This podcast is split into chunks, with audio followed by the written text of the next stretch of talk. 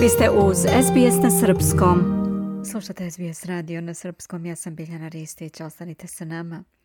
Dok Australija nastavlja da se bori sa energetskom krizom i povećanjem cena struje i gasa, novi izveštaj pokazuje gde se nacija nalazi u pogledu obnovljivih tehnologija, piše Omo Belo za SBS News.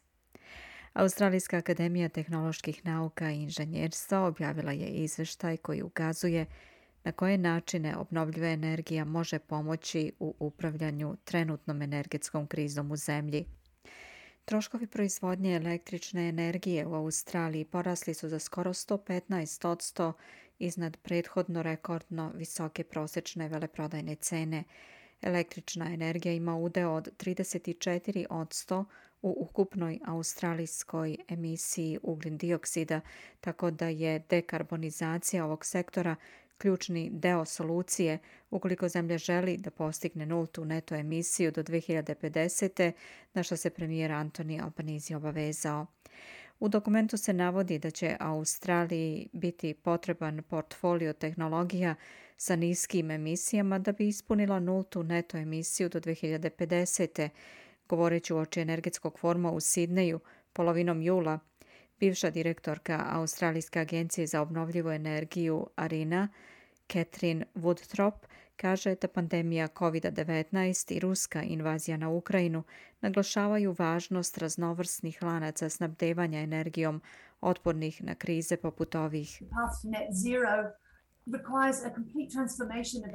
Put do nulte neto emisije zahteva potpunu transformaciju naših energetskih sistema, razvojem i primjenom čiste energije u ogromnom obimu, što je potrebno za zamenu fosilnih goriva, možemo eliminisati skoro tri četvrtine globalne emisije i poboljšati globalnu energetsku bezbednost.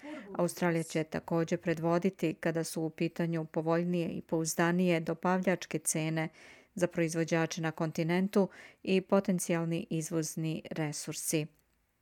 Član savjetodavnog odbora energetske korporacije Novog Južnog Velsa Alex Vonhas kaže da postoje različiti razlozi za energetsku krizu u zemlji. Gospodin Vonhas je ukazao na sve veće cene generatora zbog visoke cene uglja i gasa izazvane invazijom Rusije na Ukrajinu.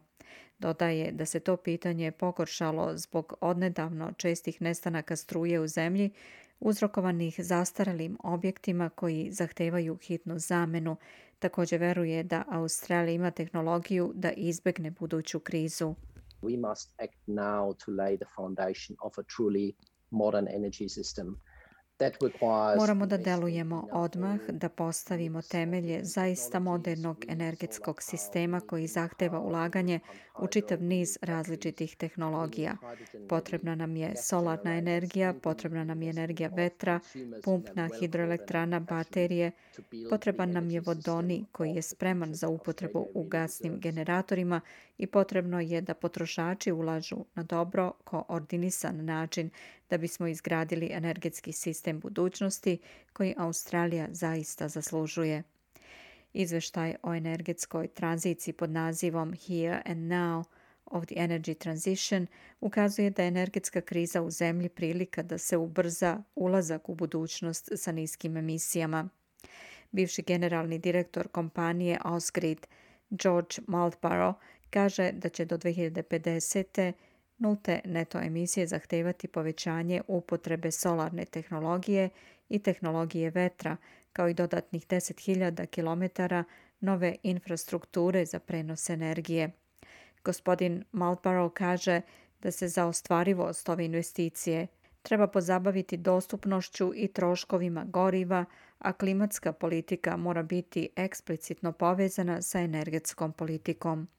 On kaže da će zemlji biti potrebna potpuna tranzicija sa fosilnih goriva na električnu energiju za transport, napajanje automobila, grejanje domova i promjene u industrijskim procesima.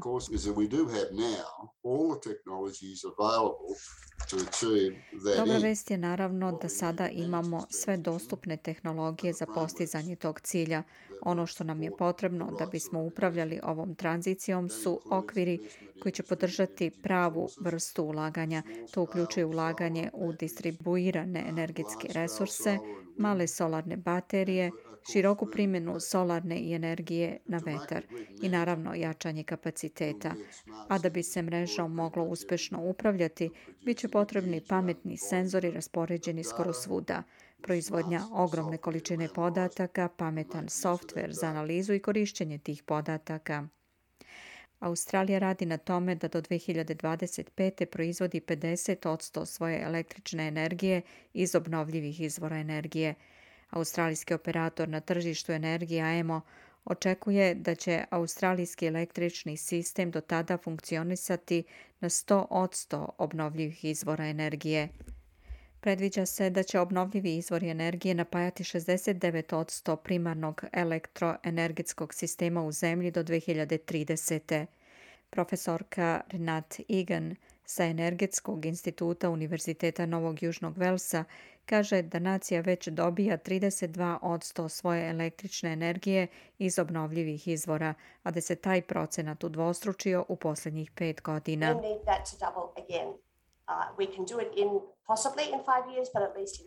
Možemo to verovatno da uradimo za pet godina, ali najmanje za deset. I to je ono čemu težimo, da pokušamo da zaista povećamo prodor obnovljive energije na tržište. Optimista sam u pogledu naše budućnosti i naših mogućnosti. Mislim da sada imamo tehnologije. Ono što treba da uradimo je da prilagodimo naše političke smjernice, da ulažemo u našu budućnost, zadobijemo poverenje investitora da ulažu novac, a to su vlasnici kuća i veliki biznisi i ulaganje u tranziciju i pamet kako bismo bili sigurni da je sve međusobno povezano i da dobro funkcioniše.